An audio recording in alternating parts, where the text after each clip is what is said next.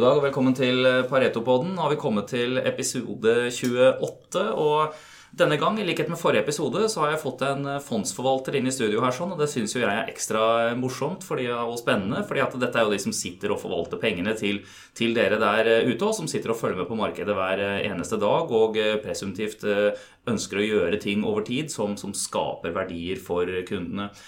Og Denne gangen har vi fått besøk av Torbjørn Frønningen, som faktisk kommer fra Pareto Asset Management.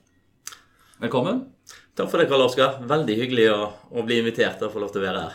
Ja, dere, bare så vi, vi gjør det rette for, for, de som sitter og lytter her ute. Så, så dere er jo en del av Pareto-gruppen.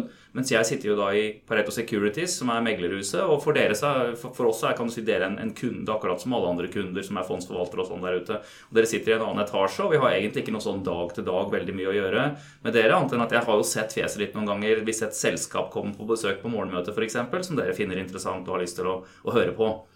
Eh, men ellers så er jo dette her helt, helt eh, atskilt. og For de som hørte på forrige episode, så var jo jeg da ute og snakket med forvalter, en forvalter i, First-fondene. Som holder et, veldig, et relativt lite, men veldig aktivt fond. Og det som er litt spesielt og morsomt denne gangen, er at jeg vil vel si dere er like aktive. Det er en fokusert portefølje vi skal snakke om i dag. Stemmer. Men det er mye større, så det er en helt annen uh, approach. Uh, Kanskje du Torbjørn, kan, kan, si litt om Pareto Asset Management og hvordan det begynte? Ja, det, det gjør jeg gjerne. Altså, Vi har historikk tilbake til 1995. Og vi hadde jo vårt utspring fra Pareto Securities. Uh, og det faktum at uh, det hele startet med forvaltning av overskuddslikviditet uh, i, i, Securities da, tilbake den gangen. hvorpå en del kunder og venner av huset eh, kom og sa det at eh, ja, men istedenfor at vi er kunder på denne måten og handler aksjer hos dere, hvorfor kan ikke vi bare få samme portefølje som dere har sjøl for egne midler? Eh, og, og, som sagt så gjort, og, og, dette ble da til Pareto Forvaltning, som nå var foreløpig endret til Asset Management, skiftet navn for et par-tre år siden. Mm. I, i, et eget selskap av, av, ja, juridiske juridiske og, og ryddige grunner. Uh, og i dag, det... i dag, så har dere da en, en familie av fond uh, og uh, litt forskjellige mandater. Altså fortsatt det som man kaller vel diskresjonære mandater noen, eller aktiv forvaltning, da, som jo folk flest kaller, kjenner det som. Ja. dere har det og en kombinasjon av vanlige fond som man kan gå inn og, og kjøpe på i vårt, i vårt fondsenter. Ja, stemmer. Det, mesteparten av midlene nå ligger i, i, i, en, i, ulike fond. Da. Vi har norske og globale aksjefond, og tilsvarende også norske og globale rentefond med forskjellig da, både durasjon og, og, og kredittrisiko eh, i, i, de fondene. Så vi har, vi har en, en, palett av produkter. Eh, Til sammen så utgjør de et par og 40 milliarder som vi har under forvaltning. Eh, og vi er ja, 50 engasjerte kollegaer som, som, jobber med dette. Eh, jeg vil si med mye kompetanse og, og, og tung erfaring. I og med at vi, eh, vi har rettet oss og, og, og gjør fortsatt eh, så, så, er primærmarkedet vårt litt større og, mer profesjonelle kunder. Som, som også har, har, krav på, på oppfølging og ja, eh, som, som, krever en viss kompetanse. Ja, ja det, det, det, kommer vi tilbake til litt. Hvordan man betjener eh, Eller hvordan, hvordan ulike kundegrupper agerer, kan du si. Mm. Men eh, det konkrete fondet som, som, du sitter på, det er det som heter Pareto Aksje Norge. Ja. Så du er konsentrert om det, det norske markedet. Og du har vært i, i, Asset Management siden Eller du har forvaltet det fondet, ser jeg, ut fra det som sto på nettet, siden 2005. Ja, jeg er inne i mitt ja, nå er vi vel på det 14. året, eh, tenker jeg. Eh, begynte tidlig i 2005. Eh, og det stemmer. Jeg jobber jo da med det som var den opprinnelige porteføljen som Pareto startet med da i, i, i 95. Og som fortsatt er der hvor ja, den største det største kallet produktet vårt Vi har 11 milliarder i den porteføljen. Det er da delt mellom rent teknisk eh, så, såkalte aktive forvaltningsmandater. Diskresjonære mandater der vi forvalter eh, en, en konto for kunden som eier aksjene direkte. Altså Det er vel aksjen stå på kundens navn? liksom Det er Riktig. Hans Hansen AS eller noe sånt som vil synes på aksjonærlistene, mens, mens, det er dere som egentlig styrer forvaltningen? Stemmer. Eh, og, og mange kunder vil gjerne ha det sånn. Eh, og så har vi da en del eh, vanlig fondsstruktur da, i form av Pareto Aksje Norge, som det, det, det fondet heter. Ja, Det er det som ligger i vårt eh, fondssenter, og som eh, lytterne der ute kan, eh, kan gå inn og kjøpe. Stemmer. Men det, dere jobber teambasert, så du, du er en av eh, eh, flere forvaltere som da jobber sammen med denne porteføljen. Og det er litt overlapp på forskjellige fond og sånt også. Er det ikke gjerne den måten man, eh, man jobber på? Jo, eh, altså jeg forvalter den porteføljen sammen med Einar Løvold og Besim Sekiri, så vi, vi er tre stykker som, eh, som forvalter den porteføljen. Eh, og så har vi jo da eh, vi, vi nærmer oss jo snart eh, 20 eh, personer som, som forvalter med som, som, jobber med forvaltning direkte hos oss. da, Analyser og den type ting i de ulike fondene. Men vi, vi er tre som holder på med, med denne porteføljen. Uh, og ja Jeg har vært der i 14 år. Einar har vært der mer eller mindre siden start. Over 20 år nå. Han Besim har også vært der ganske mange år. Og uh, vi har jo for så vidt også beholdt den uh, tradisjonen med å investere egne sparepenger i, i porteføljen. Uh, Så også dere sitter, som, eh, dere sitter i samme stol som, som kundene i dette tilfellet her? Ja, eh, og det er jo sånn at når du holder på en stund, så er jo etter hvert eh, avkastningen på, på disse midlene for, for oss eh, viktigere enn arbeidsgodtgjørelse. Eh, og det, det jo Jeg mener det både, det er både gøy, men jeg mener også det, det er viktig å være i samme båt som, som kunden på den, den måten. Mm. og- og det, det sørger jo også for kontinuitet på, på, på flere måter når du får så lang historikk på, på folkene, og forvaltningsfilosofien har vært den samme osv. Så, videre. så det vi drev med for over 20 år siden, det, det er akkurat samme tankegodset og, og måten å, å jobbe på så, i, i dag som vi, vi Ja, jeg synes dette, dette er et viktig poeng, fordi at uh, jeg syns jo eh, aktive fond er spennende, og det fins masse forskjellige strategier for eh, aktive fond. Eh, I forrige episode så hadde vi en strategi som ligner mer på kan du si, en, en traders approach til, til markedet. Mens dere har jo mer det som jeg vil kalle den der industrielle, langsiktige eiertankegangen. ikke sant? Og, og, og det er egentlig det som er litt spennende å snakke om, og, og det reflekteres jo også i disse diskresjonære mandatene, hvor altså kundens navn er det som står på, på eiersiden. ikke sant? Og man, man ser jo av og til det dukker opp i avisen hvis en eller annen eh, eier eh, kommer opp eh, i størrelse på aksjonærlistene. Men, men, men dere har også en, en veldig fokusert portefølje. Kan du si hvor mange aksjer dere typisk ligger i i fondet? Ja, vi ligger så vidt i overkant av, av 20 aksjer.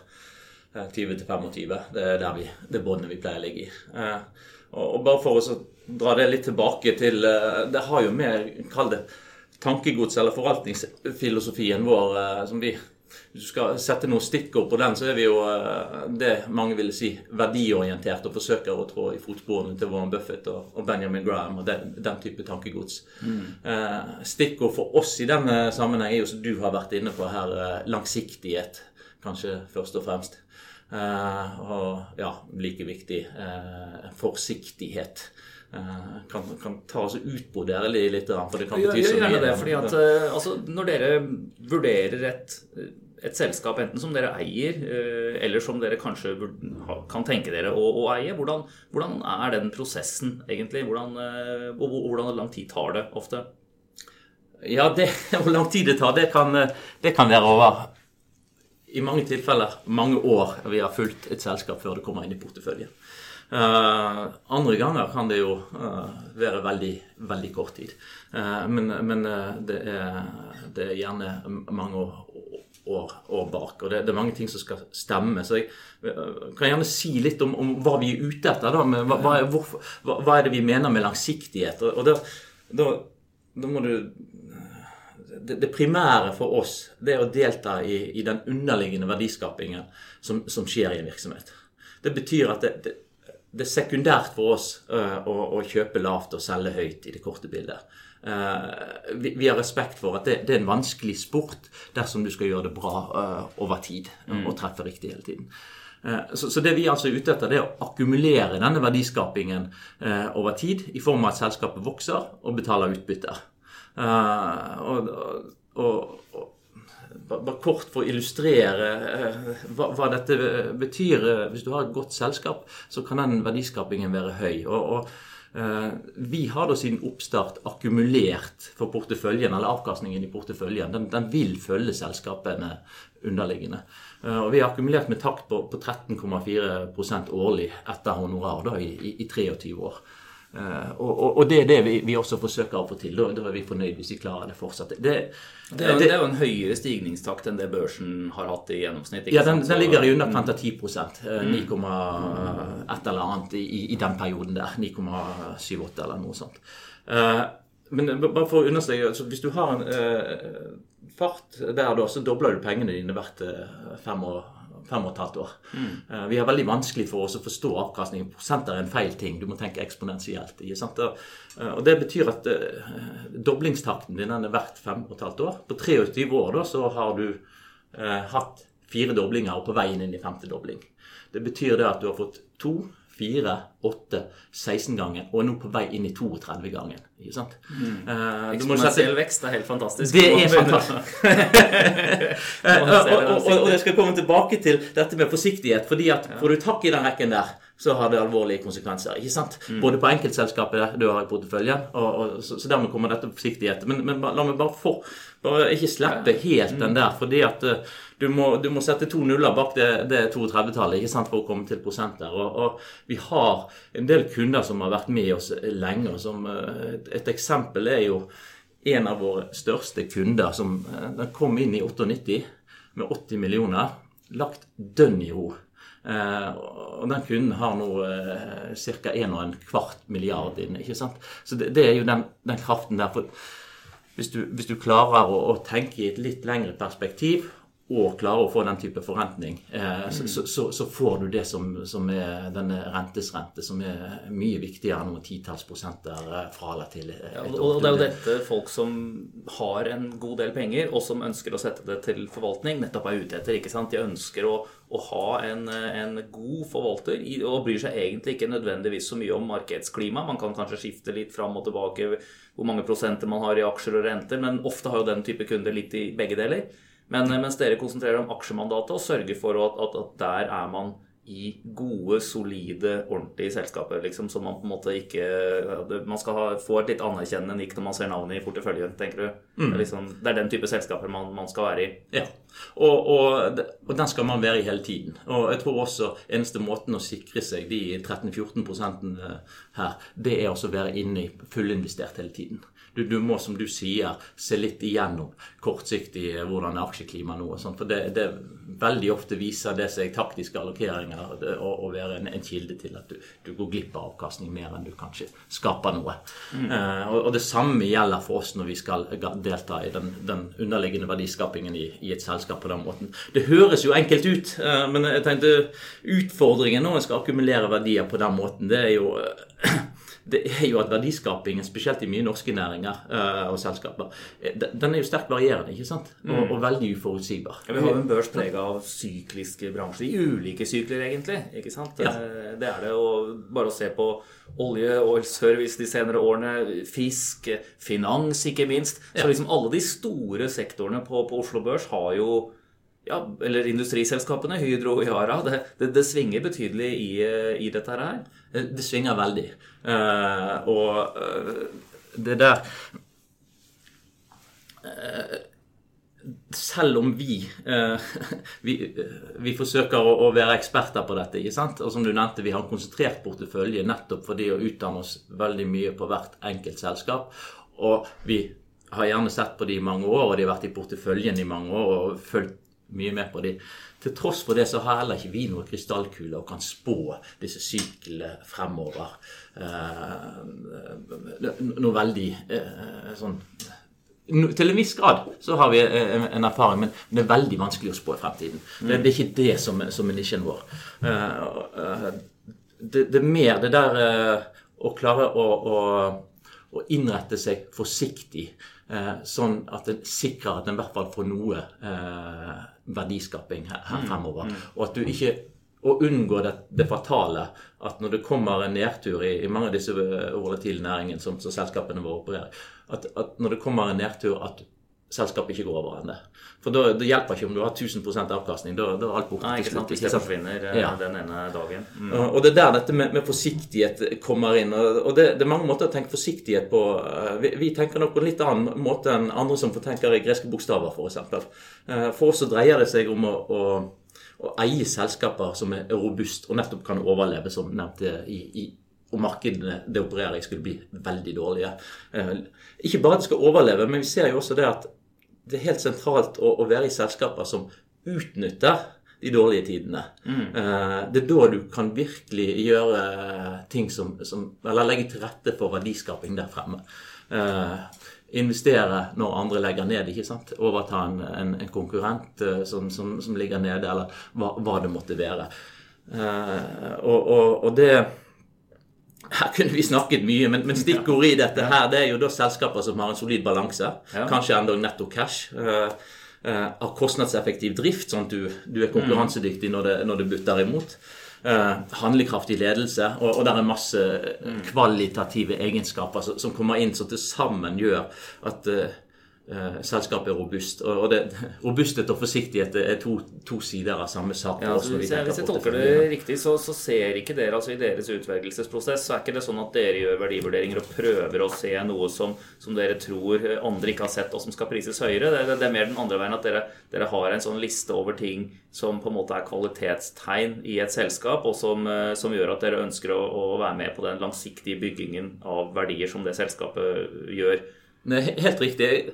Jeg liker best å snakke selskaper. Jeg kan ta, ta et eksempel på det. Ja. Eh, Største post i, i porteføljen vår, den, eh, det er TGS Nopec. Eh, Den har vært i porteføljen i 20 år. Gjennom de 20 årene så har vi gjort i snitt nesten én handel i året. Men det blir- jo en lang rekke handler over tid. Likevel. Kort om selskapet. En handel i året. Du får, får du julekort av meglerne likevel? Eller? Liksom. Vi er, vi, vi er nok ikke den kuleste kunden i byen, til tross for 11 milliarder i porteføljen. Eh, Men eh, kort, kort om TGS, da. Altså, det er jo leverandør eh, i, i, til oljeselskapene av, av seismiske data. Og kanskje den mest utsatte delen av verdikjeden i, i, i denne sykliske eh, oljenæringen. Eh, og, og selv om da, dette markedet er ekstremt volatilt, så anser vi da TGS som, som robust. Eh, vi ser allerede nå at TGS kommer ut av kanskje den største nedturen oljebransjen har hatt siden 80-tallet. Eh, og det, det er allerede før egentlig oljeselskapene har, har begynt å, å skru opp investeringsbudsjettene sine. Og kort eh, ta årsaken til det. TGS de blir kritisert, har blitt det i alle år, og de sitter med tung eh, netto cash-posisjon. ikke sant? Så de gikk inn i nedturen med mye cash. Og så er det en fantastisk forretningsmodell som hvert av disse eh, årene her med, med nedtur har generert positiv kontantstrøm. Vi har fått utbytte fra TGS hele nedturen, ikke sant? De har jo en kapitallett modell, som de kaller det. Altså, de eier jo ikke båtene, de leier seg plass. Helt riktig. Og, og, og der er jo, det er jo denne forretningsmodellen som er ve ve veldig interessant. ikke sant? Eh, det betyr at eh, TGS har faktisk skutt like mye data hvert år her nå som de gjorde i, i de gode årene før. Altså eh, hatt samme operasjonelle fart som, som, de, som de hadde eh, før nedturen. Eh, de har da bare be, eh, eh, betalt halvparten ca. fordi at eh, båtratene og disse tingene altså Innkjøpskosten deres har eh, mer eller mindre halvert. Så du får samme pengene som du har fått, eh, fått eh, Eller for halvparten av pengene har du fått like mye data. da. Eh, Det andre interessante er jo det at eh, Jeg er veldig glad i dette selskapet. skjønner jeg. Det andre interessante er det at de har kjøpt eh, eiendeler fra fire av sine haltende konkurrenter. Altså seismikk seismikkbibliotekene til fire av konkurrentene. Eh, Så, det, så det status her nå er jo det at eh, du har mer data på lager enn noensinne. Eh, Du har hatt, pga. den høye eh, organiske farten du har hatt gjennom krisen, og du har gjort noe strukturelt. Og markedet ditt er jo egentlig konkurrenter har forsvunnet eh, fra markedet. sant? Så vi ser allerede nå at TGS eh, kommer kraftig styrket ut av denne krisen. Eh, og, det fascinerende er jo kontantposisjonen til tross for dette er høyere enn den har vært noensinne. ikke sant? De, de, har over 300 millioner dollar på, på, på bok fortsatt. Så det er masse, masse kraft igjen hvis du vil, vil, vil, gjøre noe videre her også. Og det Ja.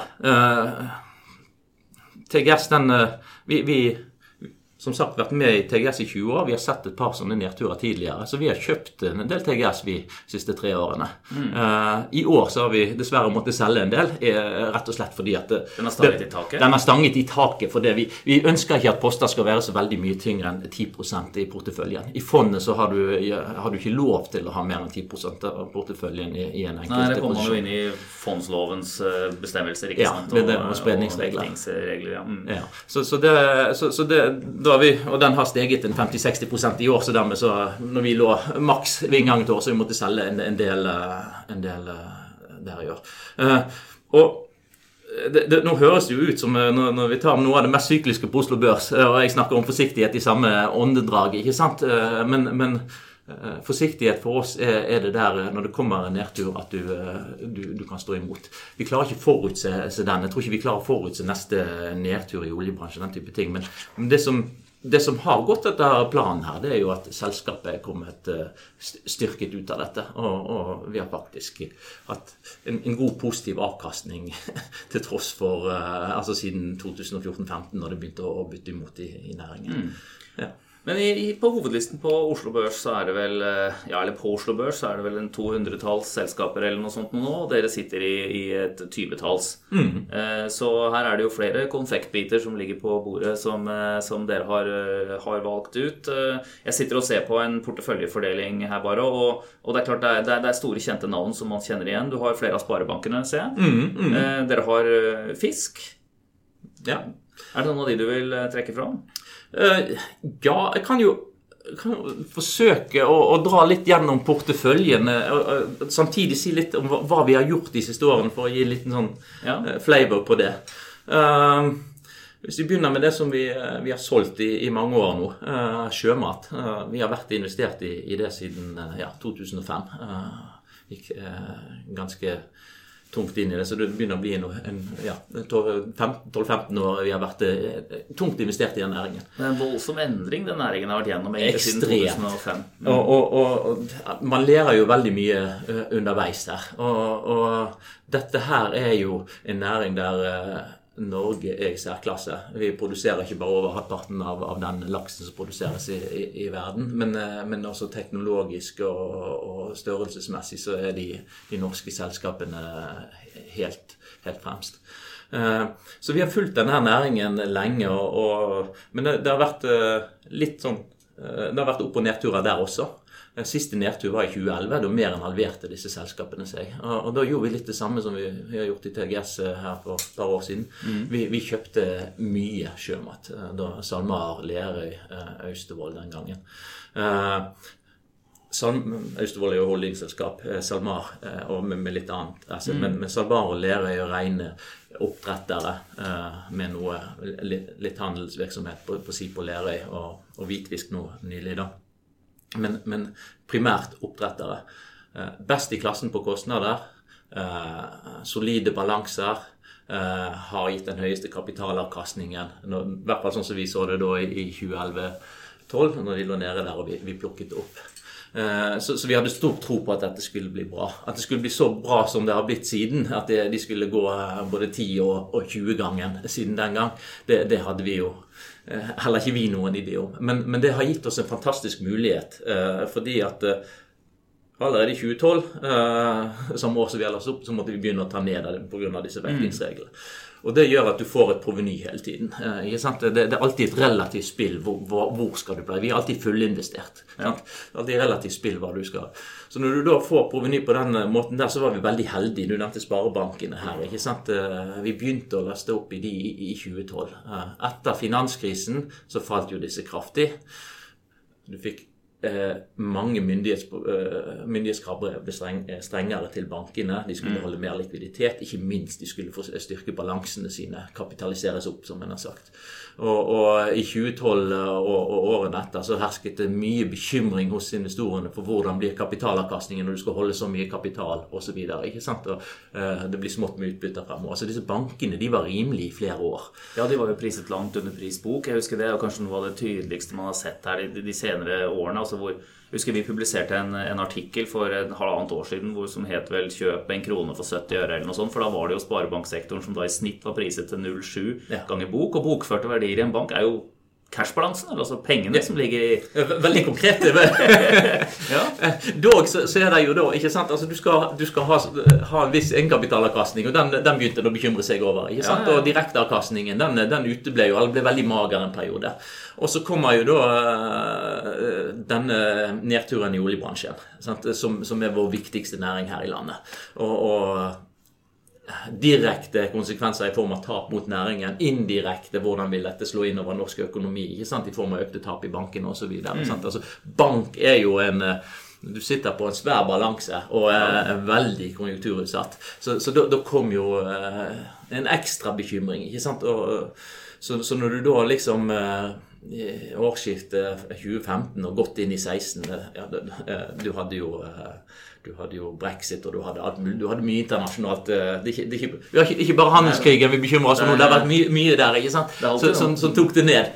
Uh, og, og, og, de ble uforholdsmessig rimelige. Så, så, vi tråkket veldig mye på i, i bank. Og veld, spesielt da i 2016, når vi tok siste innspurten der på, på første halvår der. Uh, mm. og, og, igjen veldig heldig med at uh, disse sjømataksjene og en del andre ting i porteføljen beveget seg positivt. Så vi hadde mye å, å kjøpe for. Uh, så da, De to delene der de utgjør til sammen nesten halve porteføljen uh, PT. Ikke fullt det, da, men 45% Vi har en fjerdedel av porteføljen nå i bankfinans. Da er Storebrand også inni der. Ja. Uh, og, og, det som er spennende nå siste par årene nå vi måtte selge også av i bank, for det utviklet seg veldig positivt. Allerede i 2016 så måtte vi begynne å selge litt der. så nå har vi da kall det, den andre halvdelen som vi ikke har snakket om, som er, som er mye klassisk norsk industri. Eh, ja, vi har snakket om TGS, mm. men, eh, men, også Du nevnte nevnt som, som Yara her, og, og, som er en av våre aller største poster. Du, du har Hydro, du har også Wilhelmsen Holding. Så dette er det dere har etter hvert som poster som dere var tidlig inne i, som på en måte begynner å stange i taket, som dere må selge dere jevnt ned i etter hvert som det utvikler seg positivt, så har dere nå kanalisert penger inn i i mer kan du si, den form for annen, annen form for syklisk virksomhet. Da. Ja. ja. Mm. Uh, og det som er, er, litt spesielt her, det er det at uh, vi har hatt Oljenæringen hører vi jo mye om, ikke sant? Uh, for det er så viktig for økonomien. Vi får det med oss alle sammen. Men i 2010 så, så konstaterte DNB at shippingkrisen var et faktum, ikke sant? Mm. Nå er vi i 2018, åtte år seinere, og det det nesten svarte natta i de fleste segmenter innen shipping også. ikke sant? Mm. Wilhelmsen Holding en av våre største poster. Dog et gjeldfritt selskap som driver mye mer, men, eh, men, likevel i denne perioden faktisk klart å levere en egenkapitalavkastning på 12% årlig i noe av det verste markedet du har sett.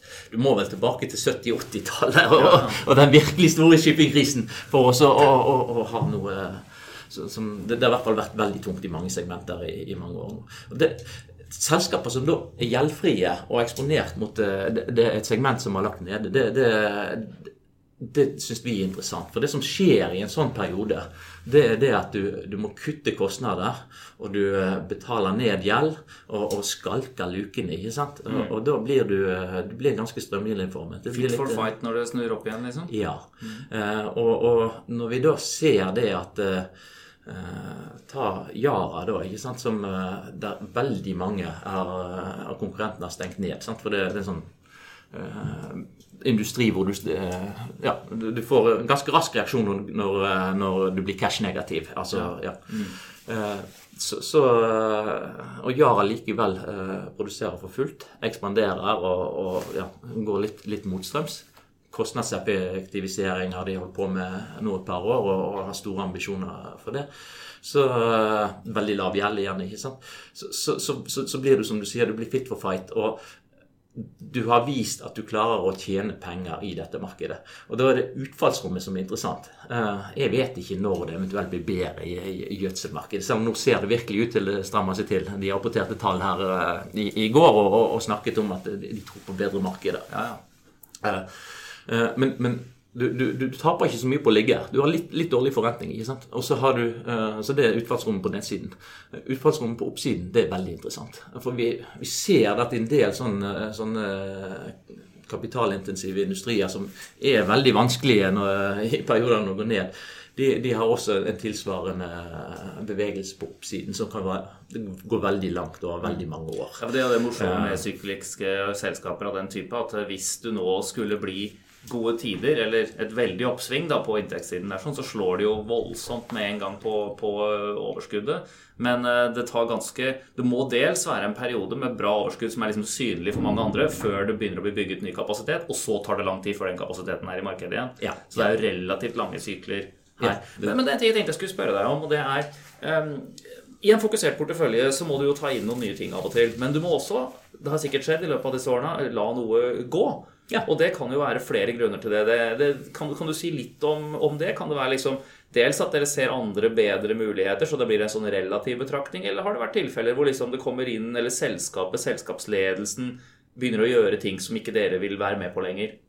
Eh, ja, altså det, det, det, kjedelige svaret her det er at eh, det er veldig mye en gradvis bevegelse, som er nevnt i, i, i sjømat. Uh, der, du, der, du, vekter ned. Du fortsetter fornøyd, men du likevel selger over, uh, og selger ganske mye. Når det gjelder å gå ut av selskaper totalt, så har vi jo gjort det også. Og da, da er det jo typisk det du sier der hvis selskap endrer karakter. vi vi er ikke alltid like entusiastiske når det gjøres et oppkjøp, f.eks. Uh, da, da skjer det to ting, uh, store ting med selskapet. Ofte så endres balansen. med, mer, mer gjeld eller finansiering av det. Og det andre er jo at det operasjonelle det, det også endrer karakter, og du vet ikke så veldig mye om det som kommer inn. Det, det snakkes jo gjerne i sånne sammenhenger om synergier og sånt, men de, mm. de de skal nå materialisere seg, så alt, alt ligger fremfor deg. Så, så vi, vi, vi, er skeptikere. Uh, og så har denne, også, kan det også rett og slett være at vi, vi har trådt feil i, i, noen selskaper. At det, det var ikke det, det, vi trodde. Uh, vi gjør feil, vi som alle andre. Og da, da, er det bedre å snu og komme seg ut. Og, det er ingen grunn til å bli sittende med noe du ikke har tro på. Så, så det fjellvettreglene? Ingen skam å snu? Hvis det nei, det er ingen skam å snu.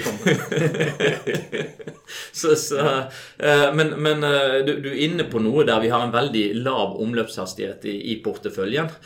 Og brorparten av omløpshastigheten på den ligger på rundt 0,15. Skifter ut, altså i betydningen skifter ut, ut 10-15% av porteføljen hvert år sånn i snitt.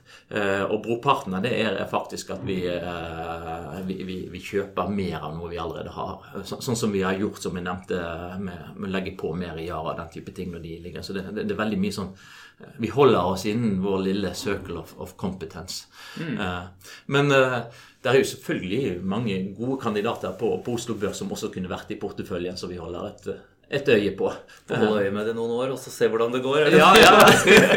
ja. Nei, men Da må jeg jo si på, på vegne av lytterne der ute Jeg syns dette var spennende. Vi har fått et, et, godt bilde av hvordan dere tenker og forvalter dette fondet. Pareto Aksje Norge er da et alternativ for den som ønsker å være langsiktig investert på Oslo Børs og, og agerer på samme måte som en, en, langsiktig eier, for så vidt. Og det er også her interessant å, å se, og sånn bør det være, syns jeg. Det er iallfall positivt eh, på alle måter at, at, de som sitter og forvalter fondet, selv har mesteparten av sin egen formue i, i eh, det fondet. Så her sitter man i samme båt som, eh, som kunden, og, og er jo den som har hånda på rattet. Mm. Det er uh, sunt. Så jeg vil si tusen takk til Torbjørn Frønningen, som uh, kom inn og, og, snakket litt om uh, Aksje Norge-fondet. Og det, det, kan dere da finne i, i fondsenteret vårt. Bare for å nevne avslutningsvis. Karl Oskar. Det, det, er jo er jo en interessant eh, periode vi har vært gjennom, som vi har, vi har, snakket om. Og Vi har ikke vært inne så mye på prising av porteføljen, men den, den, er også interessant. altså Du, du kjøper eh, dette på, på lave multipler. Ja, for Noen snakker jo om at eh, Oslo Børs er dyrt priset og sånn her nå, men, men, det kommer an på hva man eier, ikke sant? Det, det er en stor spredning i feltet.